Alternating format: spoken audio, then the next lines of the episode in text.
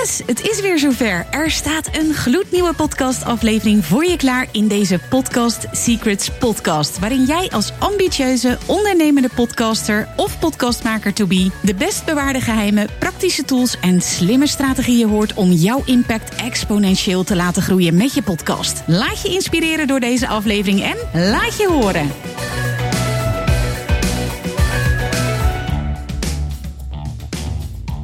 Super tof dat je er weer bij bent vandaag. Een interview vanuit Podcast Studio Apeldoorn. En vandaag heb ik een hele bijzondere gast. En dat is namelijk Herma Kluin van recherchebureau Incognito.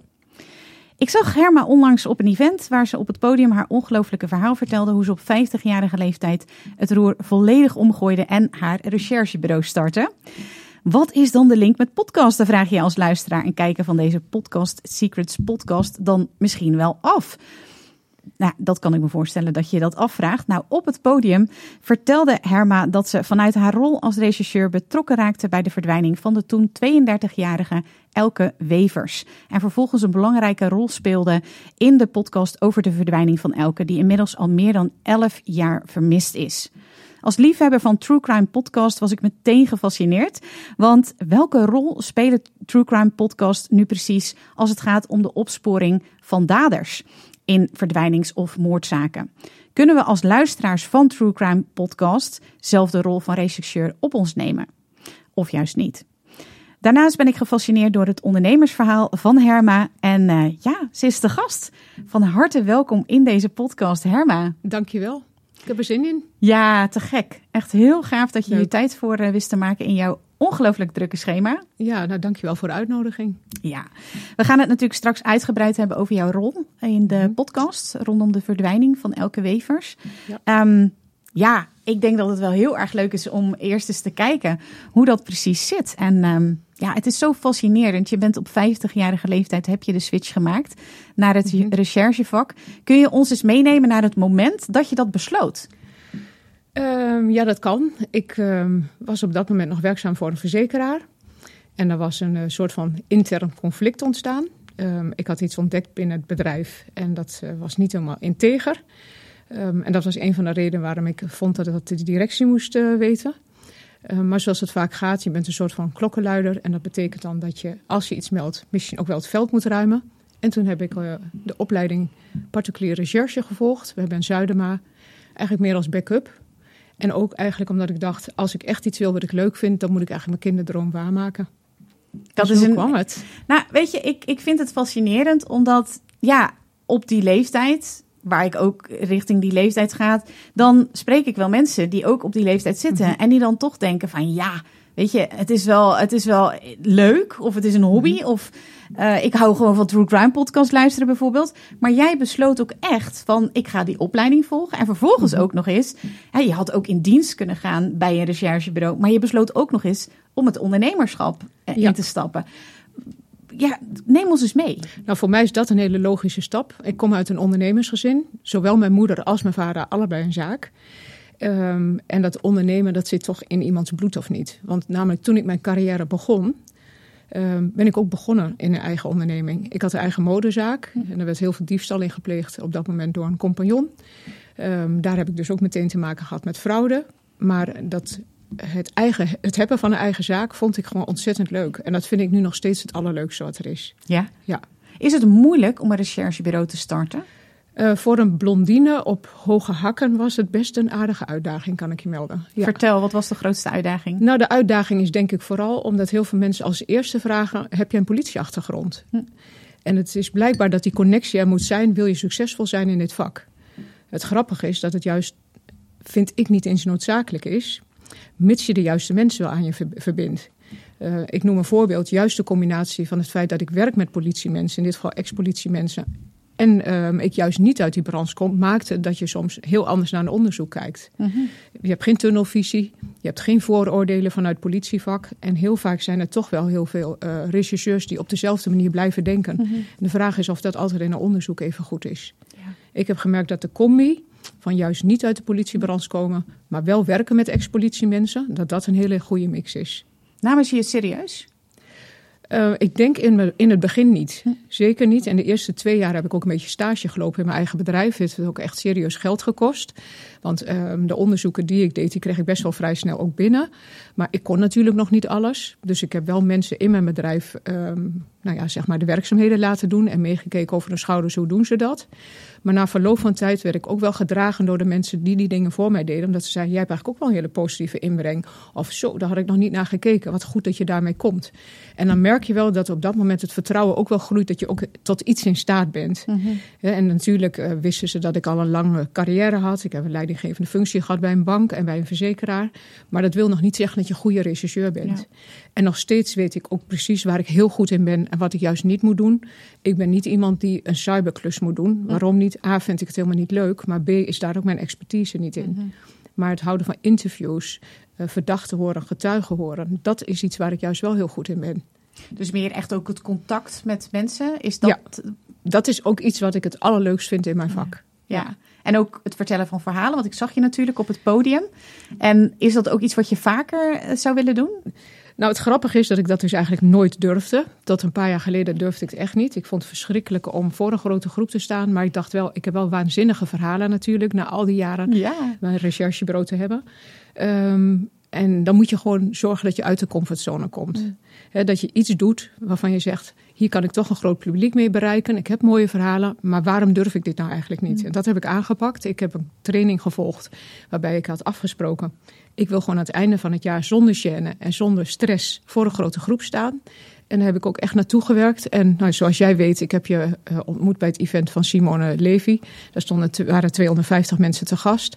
En ik had echt nul zenuwen, dus ik heb wel echt iets overwonnen daar. En ik vond het ook zo ontzettend leuk om hele positieve feedback terug te krijgen. Uh, sommige mensen noemen zelfs een favoriete spreker van het event, wat ik echt veel, veel te veel eer vond. Want ik vond echt een aantal sprekers fantastisch.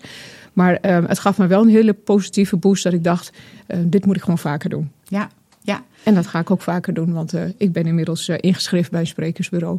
Oh, wat gaaf. Nou ja, ik kan in ieder geval, als je deze podcast kijkt of luistert, van harte aanraden dat wanneer je ziet dat Herma ergens gaat spreken, om erheen heen te gaan. Want toch blijkt wel dat het recherchevak toch wel ook echt een spannend kantje heeft. En ik snap natuurlijk dat het voor jullie ook soms uren turen is, bij wijze van spreken naar beelden. Letterlijk. Of heel lang wachten. Nou ja, bijvoorbeeld uh, de zaak Elke Wevers waar we het over gaan hebben. Maar het heeft ook wel het levert wel spannende verhalen in elk geval op. Ja, het hangt ook wel af van de casus die je krijgt natuurlijk. Want ik ben nu ook een boek aan het schrijven en iedereen zegt... oh, dat wordt vast een heel spannend boek. Dat is dus niet altijd alleen maar spannend. Beslist niet, maar er zitten spannende dingen tussen. Um, bijvoorbeeld te denken aan een stalkingszaak die ik heb gehad. Die was echt best heel heftig. Dan zit de spanning niet zozeer bij mij... maar natuurlijk vooral bij de mensen die het overkomt. Um, maar dat was wel een hele gewelddadige stalking, waarbij explosieven zijn afgegaan in de woning. Dus dan praat je niet over een kinderachtige stalking. Dat hele proces heb ik ook ingezeten. Die mensen heb ik lang begeleid ook. En dan zit je wel echt in een spannende casus. En dat ja. is ook mooi om daarover te vertellen hoe zoiets succesvol is geëindigd. En dat is voornamelijk de voldoening die je dan krijgt. Dat een stalking die acht jaar heeft geduurd, het negende jaar door ons recherchebureau, toch gestopt is. In samenwerking met de politie en de familie. Wauw. Ja. Is het gevaarlijk? Soms wel, ja. Echter, de, bijvoorbeeld de doodsbedreiging. Ik heb drie keer een doodsbedreiging gehad in mijn leven. De twee doodsbedreigingen die ik gehad heb, die zijn allebei buiten mijn werk omgekomen. En de enige die ik in mijn werk heb gehad, dat was ook zich ook een hele spannende, waar ik ook inhoudelijk liever nog niet op in wil gaan, want dat is ook een traject wat nog steeds loopt. Maar um, de twee die waren echt buiten mijn werk. Dus ik denk ook altijd, je moet er ook niet over zitten dat mijn werk zo spannend is. Want ook in je eigen privéleven kun je in een situatie terechtkomen die minstens zo spannend is. Ja, en wat doe je dan? Ben je dan bang? Of? Ik ben nooit bang. Je bent nooit bang? Nee. Oké, okay. en nee, hoe, maar hoe ga je dan om met... Ik. Sorry? De, die mazzel heb ik. Ja, want, want hoe, angst heb je mogelijk wel. Want hoe ga je daarmee om? Nou ja, het grappige is dat ooit een keer iemand die sprak ik en die geeft op Nijenrode ook allemaal fantastische lezingen. Die zei ja, maar eigenlijk is het ook eigenlijk niet normaal dat je geen angst hebt. Ik zei ja, ik laat het gewoon niet binnenkomen. En dat is misschien ook wel, ik geloof, ik, jij bent moeder, je hebt kinderen. Ik heb geen kinderen, geen eigen kinderen in ieder geval. Ik denk als je een groot verantwoordelijkheidsgevoel hebt naar je gezin, dat je sneller angst hebt dan wanneer uh, in mijn situatie. Mijn partner woont in Zwitserland, ik woon hier. Als dit mijn laatste dag is, dan is dit mijn laatste dag. Ik kan er echt oprecht niet heel erg over in zitten. Wauw, oké. Je hebt het, uh, want? Ja, daardoor schakelijk mis je ook angst uit. Maar ik denk ook elke keer, je hoeft er niet over in te zitten hoe morgen je dag eruit ziet. In 2018 zijn drie van mijn vrienden overleden, op hele jonge leeftijd. Die hadden allemaal gedacht dat ze 60 en misschien zelfs 80 zouden worden. En ineens was het over. Mm. Dus je dag, die kan morgen voorbij zijn. Dus ik ga me niet druk maken over dat iemand heel erg pistof op mij wordt en me misschien iets aan wil doen. Ja, zo so be it. Ongelooflijk. Ja, ik vind het wel echt, echt heel bijzonder. Voor jou is het natuurlijk heel normaal, maar... Nou ja, normaal. Ik denk gewoon dat het ook een manier is om ergens goed mee om te gaan. Mhm. Want als ik voortdurend stress zou hebben mm omdat iemand boos op me wordt... of misschien helemaal uit zijn plaat gaat of me echt iets aan wil doen... dan kun je dit werk ook niet goed doen. Nee, vroeg ik me inderdaad ook af. Kun je ook rechercheur worden als je wel angst hebt? Natuurlijk. Ja. ja, ik denk dat het ook gezond is om angst te hebben, maar ik heb het gewoon echt oprecht nooit gevoeld. Nee, en want je hebt medewerkers op jouw kantoor. Hoe, hoe ziet ja, dat? ik werk met ZZP'ers. Mm -hmm. dat zijn over het algemeen uh, ex-politiemensen. En dat zijn ook allemaal mensen die een gele pas hebben namens mijn bedrijf. Uh, want dat is wettelijk verplicht. We moeten dus van de korpschef uh, moeten wij een gele pas hebben om iemand anders in te kunnen schakelen, wat op zich een beetje vreemd is.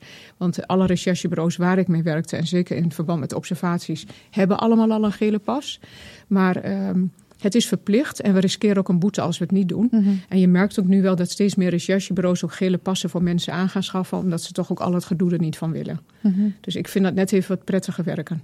Ja, en zijn al jouw medewerkers, of ja, degene die je dus inschakelt als ZZP'er, zijn al, is, zitten ze allemaal zo in het vak? Of ben je daar allemaal hebben allemaal een eigen recherchebureau. Ik werk dus met niemand anders mm -hmm. dan alleen maar met mensen die een eigen recherchebureau hebben of een gele pas hebben. Ja, ik ja. bedoelde ook van hoe zitten ze in de angst, zeg maar. Zijn ze allemaal Geen zoals idee. Herma?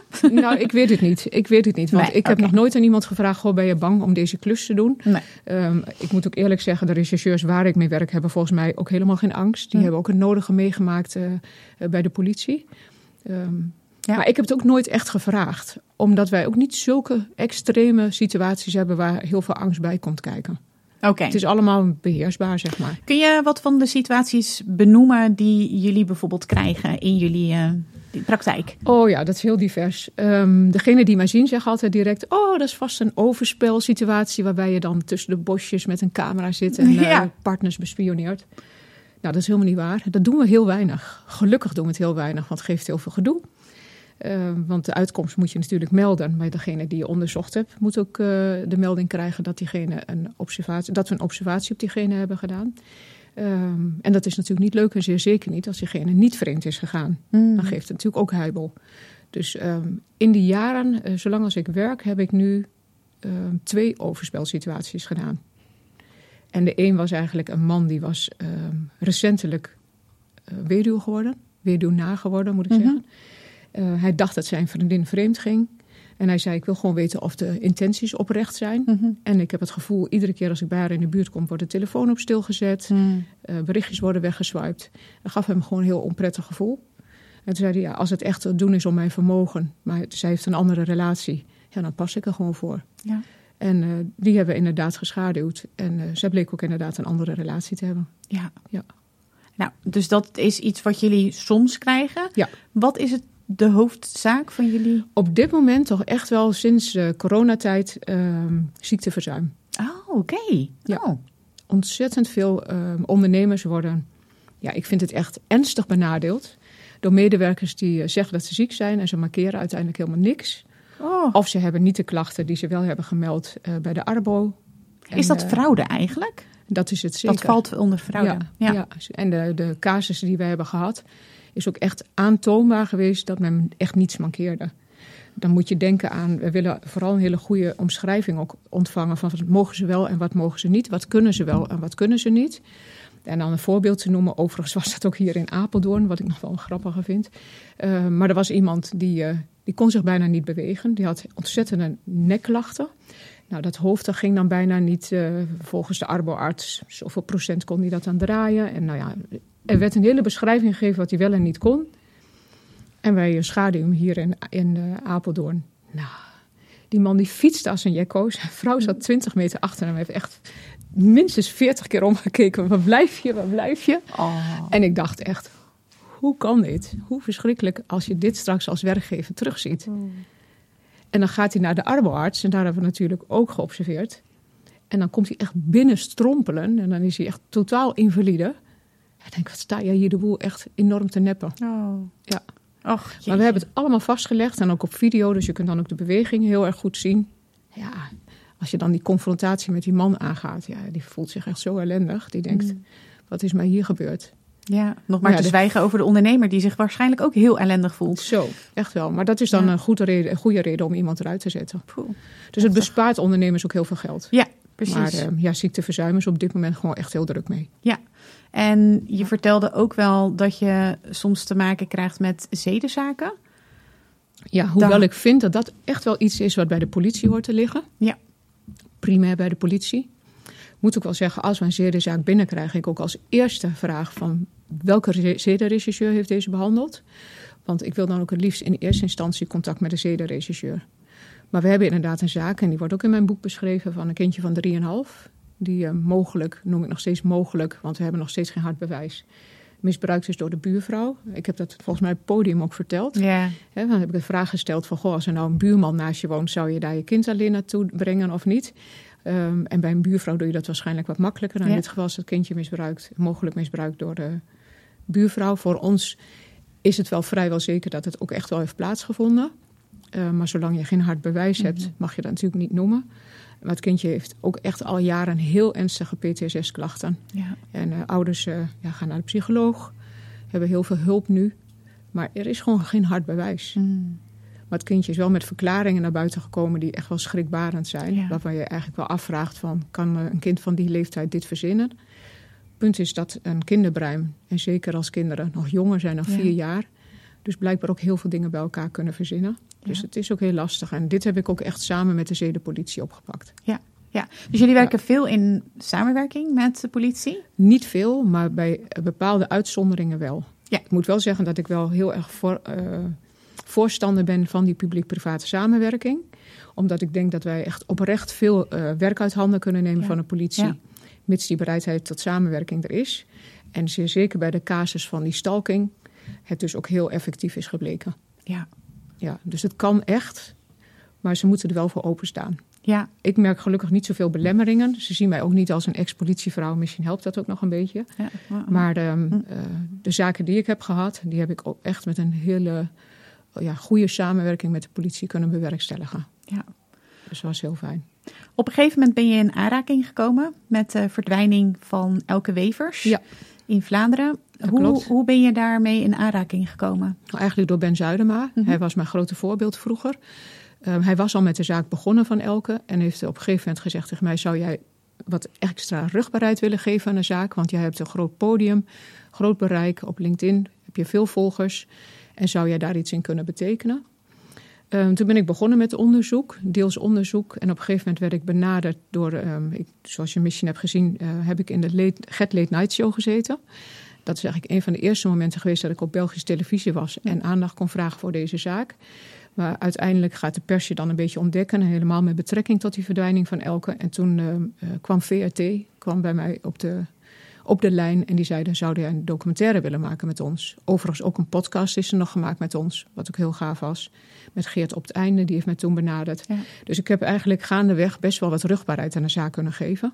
Grote voorbeeld, eh, sorry, grote voordeel moet ik zeggen. Die versprekingen kunnen die eruit. ik haat het. maar goed, eh, het grote voordeel is wel dat je de zaak levendig houdt. Dat was voor de familie ook heel erg belangrijk. Maar ehm, ik vind het zelf ook heel belangrijk dat het weer nieuwe tips op kan leveren. Mhm. En zowel met de podcast als met eh, de documentaire heb ik ook veel nieuwe tips weer gehad na afloop. Ja. Dus dat doet wel iets eh, met de zaken. En daar kun je dan toch weer een stapje verder mee kijken of we daar nog weer eh, nieuwe zaken uit kunnen halen. Bovendien is er ook nu het Saxion College in Enschede mee bezig. Heel leuk, als een minor voor de opleiding. En die zijn afgelopen vrijdag ook vertrokken naar de plaats waar zij het laatst gezien is. Dus ja, ik probeer echt dat te exposen. Hoe meer aandacht er blijft voor de zaak, hoe groter de kans dat er uiteindelijk een keer een einde komt aan eh, dit mysterie. Ja, absoluut. Misschien kun je in het kort uitleggen wat eh, er precies is voorgevallen bij de zaak van Elke Wevers. Voor degenen die de podcast niet hebben geluisterd, absoluut aanraden dus om hem te luisteren. Ja, absoluut. Um, nou, eigenlijk in het kort, zij zou uh, naar haar werk gaan en zou opgehaald worden door een collega. Op dat moment heeft zij die collega een berichtje gestuurd. De vraag is natuurlijk nog even, heeft zij dat berichtje gestuurd? Maar laten we ervan uitgaan dat zij dat berichtje heeft gestuurd. Ja. Van, uh, het gaat op dit moment niet. En ze is teruggegaan vermoedelijk naar haar huis, maar dat is ook niet zeker. Camerabeelden hebben haar vastgelegd. Ehm, niet de normale route naar huis, maar waarschijnlijk zijn ommetje gemaakt. Nou, de reden die hebben wij wel kunnen bedenken, maar dat is ook niet een hard uh, feit. Uh, maar ze had ontdekt dat haar uh, huidige partner mogelijk een relatie had met een andere dame. Ja. Die computer zou de volgende dag worden opgehaald. En ik kan mij zo voorstellen dat je dan terugloopt naar je appartement, even wachten tot hij naar zijn werk gaat en dan toch even stiekem in die computer kijkt van wat heb ik uh, hier gezien. Overigens had ze dat de nacht ervoor ook gedaan. Maar misschien is ze toen gestoord door hem, dat weet ik helemaal niet. Dat weet niemand overigens. Maar de, ja, als je dan nog een spoor wil vinden op de computer, dan moet je dat op dat moment wel doen. En eigenlijk vanaf dat moment is uh, verdwenen. Ja, echt als... van de aardbodem verdwenen. Ja, precies. Ja. ja. echt geen spoor meer. Niets. Waardoor bijvoorbeeld de collega ook nog uh, verdacht is geweest en haar partner ja. een verdachte in de zaak is geweest. Ja, die is natuurlijk langdurig uh, verdacht geweest. Die, uh, ja, die is uiteindelijk vrijgekomen. Um, ja. Elk heeft wel in een omgeving gewoond waar ook wel mensen zijn gebleken, helaas, ja. moordenaar te zijn. Ja, ook zo. Dus zij heeft echt in een bizarre omgeving achteraf gezeten. Ja. Um, dus zoals Lapland heb je waarschijnlijk ook gehoord, hè? Uh, het is een situatie waarbij iedereen het gedaan kan hebben. Het nare is, op een gegeven moment is er ook de focus heel erg gekomen op de loodgieter. En ik heb altijd gezegd, ja, ik wil een beetje wegblijven bij dat verhaal. Simpelweg omdat als je de verdenking op iemand anders doet, dan is er mogelijk een moordenaar die, denkt, denk, die zou kunnen denken, oh fijn, ik ben niet meer op de radar. Precies, ik ga even achter, achteroverleunen. Ja, en ik vind alle opties moet je open houden. Ja, ja. Wat heeft de podcast betekend voor het onderzoek? Um, nou, vooral de aandacht. Dat in eerste instantie heeft natuurlijk nog niet opgeleverd dat Elke is gevonden.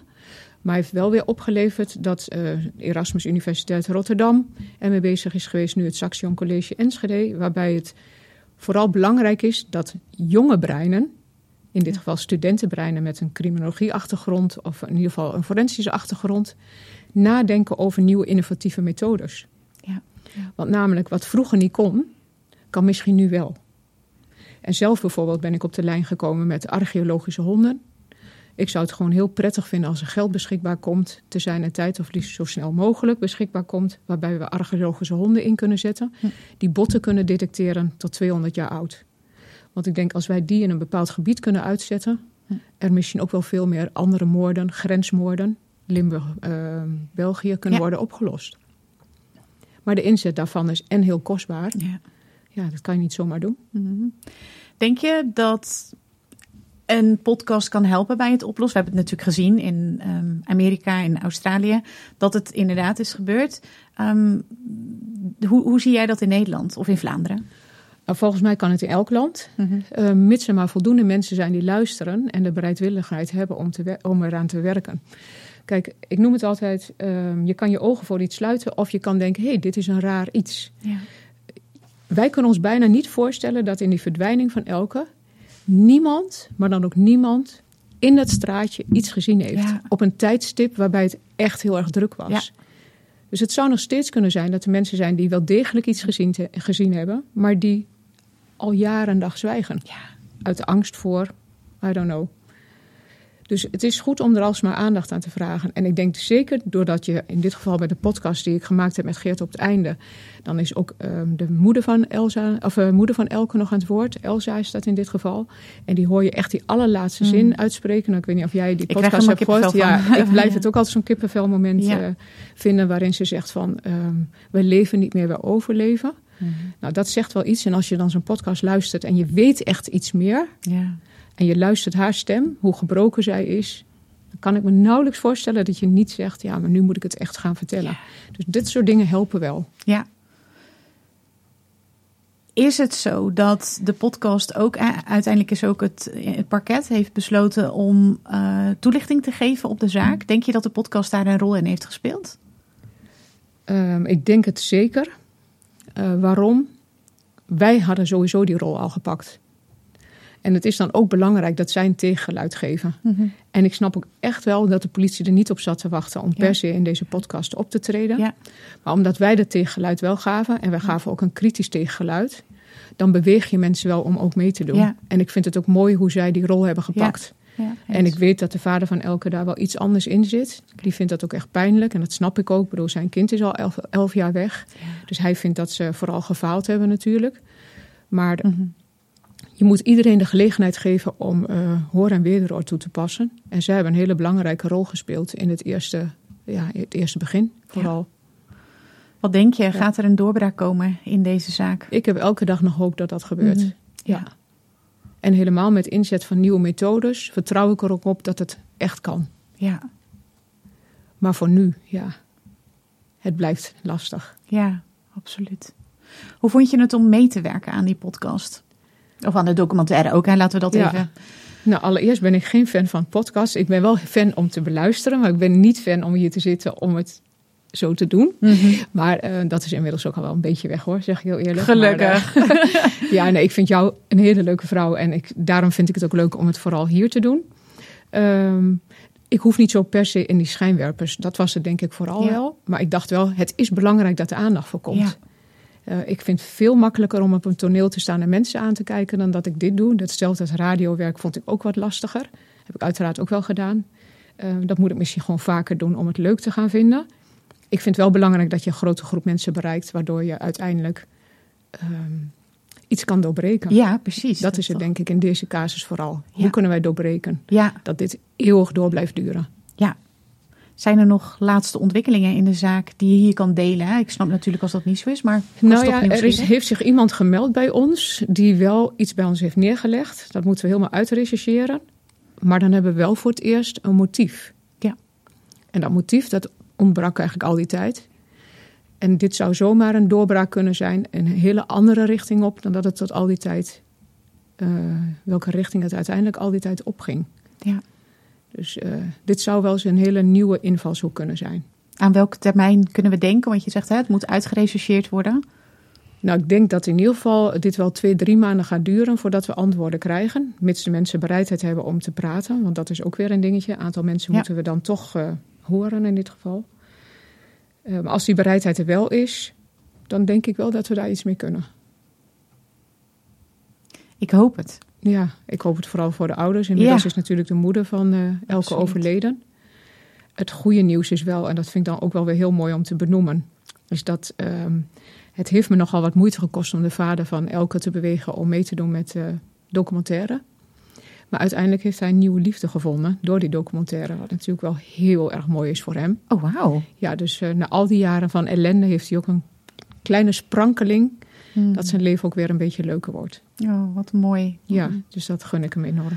Ja, en ik weet zeker dat iedereen natuurlijk ook een, uiteindelijk een antwoord gunt op de vraag: wat is er precies gebeurd?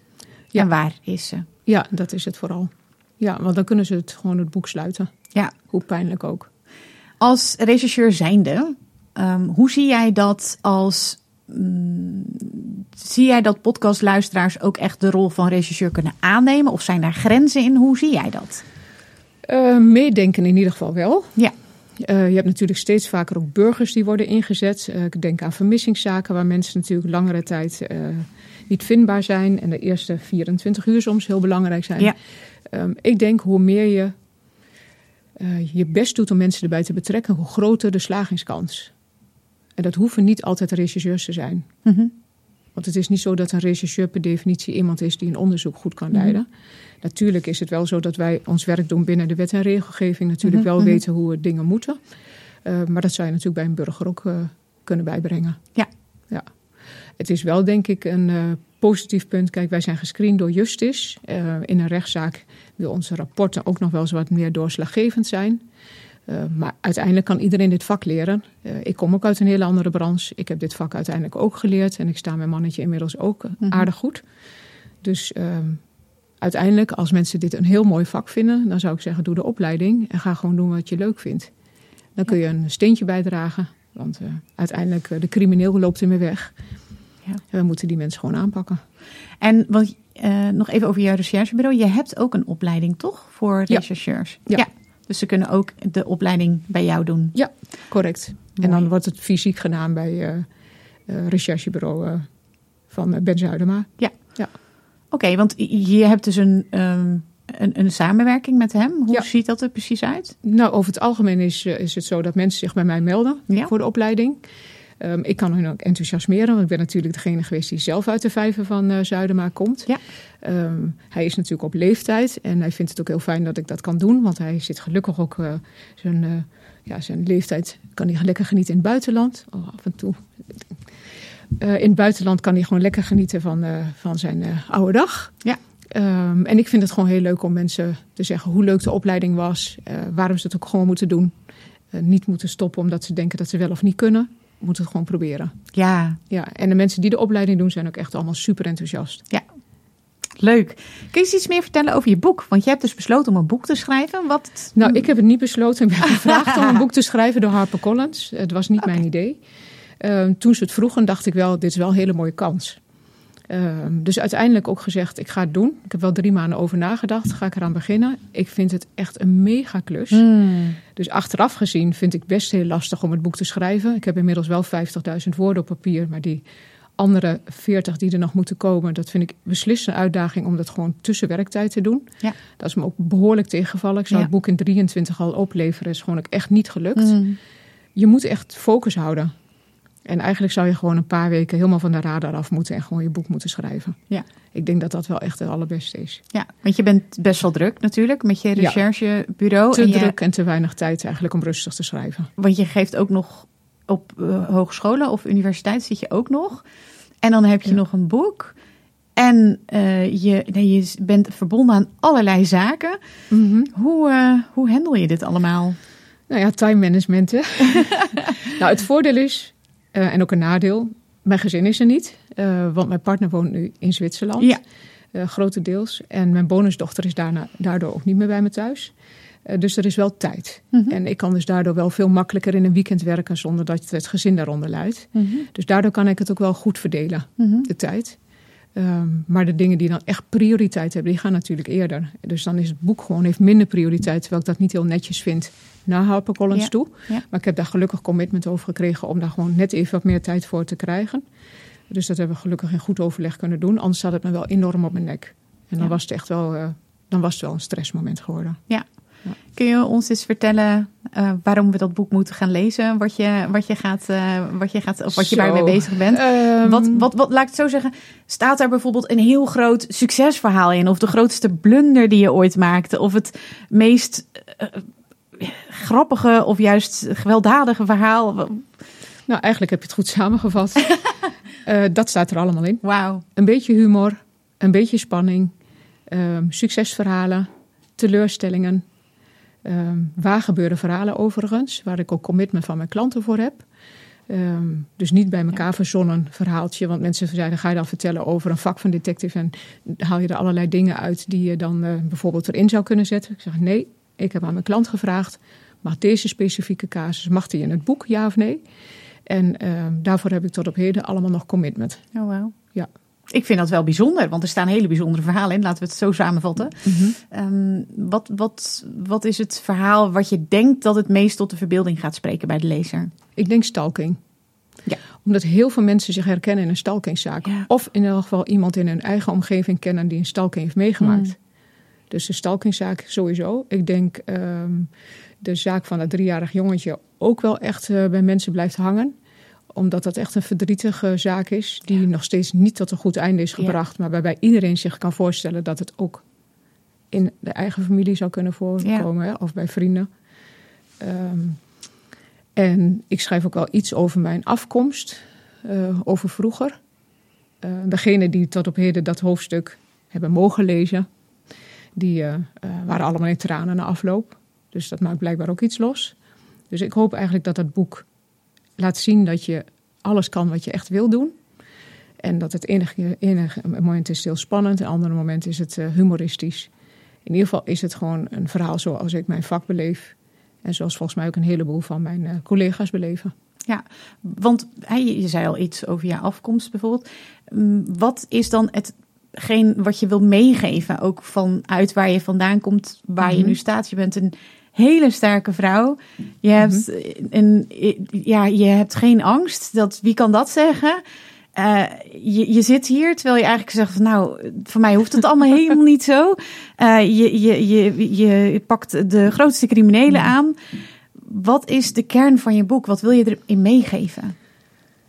Uh, dat je nooit moet laten remmen door angst. Dat is het vooral. En dat je moet vertrouwen op hetgeen wat je echt leuk vindt. Als je dat zou willen doen, dan slaagt het ook altijd. Hmm. Ik denk dat mensen veel te vaak denken in belemmeringen. Als ik had gedacht in belemmering, dan was misschien het eerste wel wat ik gedacht zou hebben. Ik ben geen politievrouw, zou ik dit wel kunnen? Ja, precies. En ik dacht alleen maar, ik vind dit zo'n leuk vak. Ik wil dit gewoon leren. Hmm. Dus je moet inspanning leveren en niet meteen denken, maar kan ik dat wel? Niemand kan iets zomaar. En dit komt je ook niet aanwaaien. Je moet er echt je best voor doen. En de eerste paar jaren heb ik gewoon echt bijna niks verdiend. Maar ik dacht, ik wil gewoon hoe dan ook dat het slaagt. En dan, dan moet je er gewoon voor gaan. En dan moet je gewoon zorgen dat je het vak leert van de mensen die het beste zijn. Wauw. Ja, en dat heeft mij wel geholpen. Ja, ik zit ook meteen naar de link van podcastmakers daar zit ik aan te denken, omdat podcastmakers zich ook zo vaak ja, herkennen in belemmeringen als: ja, wie ben ik nu om dit verhaal te vertellen? Wat heb ik nu te vertellen? Ben ik nu inspirerend? Ja, waarom zou ik dit eigenlijk gaan doen? Wie gaat er luisteren?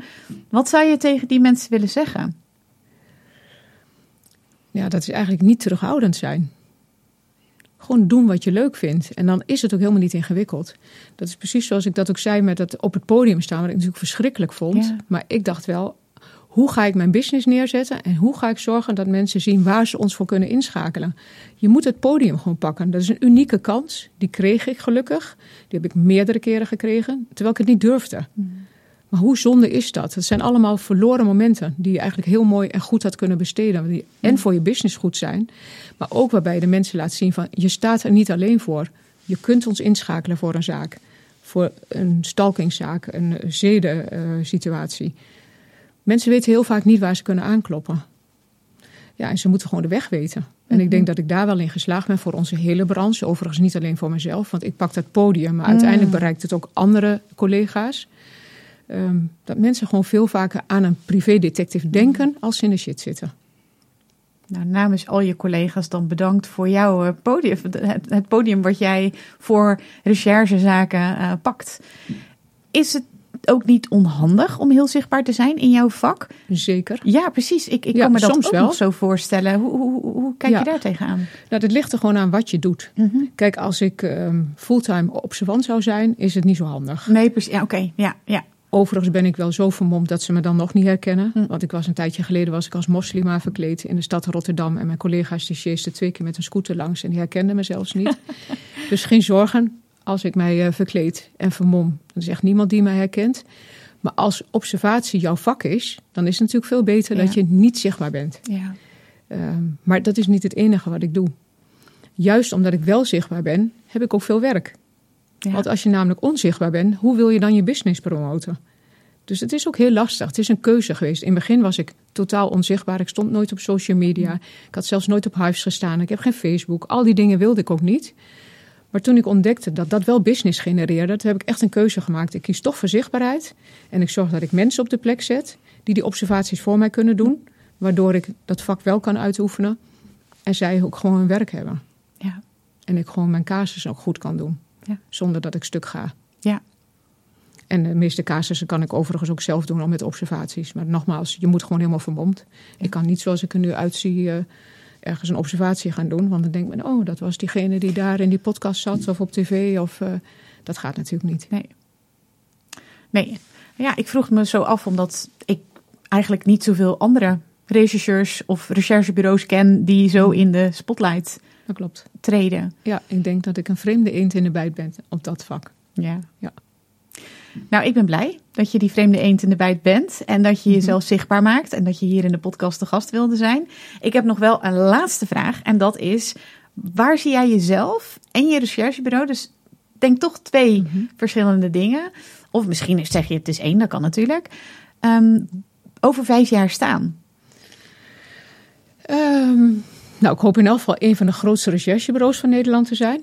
Dat is wel echt de ambitie. Uh, zeer zeker doordat ik um, regelmatig als spreker optreed, wil ik gewoon een veel groter bereik krijgen. Waardoor mensen ook weten, ik kan gewoon bij een recherchebureau, en hoeft niet per se mijn recherchebureau te zijn, maar ik kan bij een recherchebureau terecht. Ja. Met alle ellende. En wie ik zelf als persoon ben. Um, over vijf jaar, dan ben ik uh, bijna met pensioen. Dan hoop ik echt lekker chill op een strand in Australië te liggen en te genieten van de zon. Want het is echt by far mijn favoriete land. Oh, wauw. Nou, ik vond het ontzettend gaaf dat je hier uh, je verhaal kwam delen. Herma, ben ik nog iets vergeten in alles wat ik heb gevraagd en de gang die het verhaal heeft gemaakt? Denk je van, oh ja, maar dit wil ik nog wel eventjes toevoegen? Oh, om eerlijk te zijn, ik heb echt geen idee. Nee, nou helemaal goed. In ieder geval wat nog wel belangrijk is, hoe kunnen mensen meer over jou eh, te weten komen? Of in ieder geval als ze misschien ook recherchestaken hebben, waar kunnen ze je vinden? Op uh, www.recherchebureau-incognito.nl of volg me op Instagram. En ehm, verder volg uh, me vooral op LinkedIn. Want op LinkedIn ben ik echt heel, veel, heel erg zichtbaar. Of kom gewoon naar een bijeenkomst waar ik spreken ben. En uh, gaat het boek uh, aanschaffen als dat er komt. Uiteraard, als die er straks is, dan uh, hoop ik dat jullie ze allemaal lezen. lezen. Sorry. Dankjewel, Herma, dat je er was. En um, ja, dankjewel, kijker, luisteraar van de podcast. En heel graag tot de volgende keer. Superleuk dat je weer luisterde naar een aflevering van mijn podcast Secrets Podcast.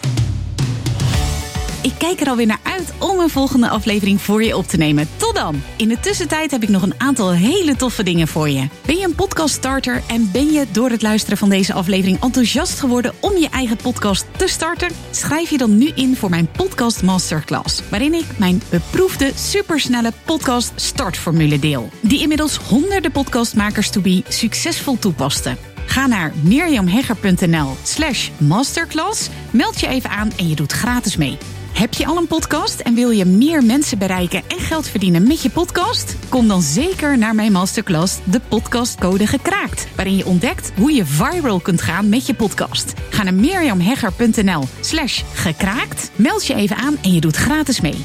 Dus ben je een podcast starter? Ga naar mirjamhegger.nl slash masterclass. Heb je al een podcast? Ga naar mirjamhegger.nl slash gekraakt. Als je deze podcast luistert, is de kans groot dat je dol bent op podcasten. En het ondernemerschap. Luister dan ook zeker even naar mijn andere podcast die ik sinds 2018 maak. De Hooked on Business podcast. In deze podcast krijg je een exclusief kijkje in mijn ondernemersavonturen, keuzes die ik maak en ik deel concrete tips over alles wat met het ondernemen te maken heeft. Mijn Hooked on Business podcast vind je gewoon op alle podcastkanalen als je even zoekt op mijn naam. Ook kun je mij volgen op Instagram, waar ik dagelijks interessante posts en stories deel via Mirjam Hegger Podcast Expert. Een hele mooie dag gewenst, tot snel en natuurlijk laat je horen.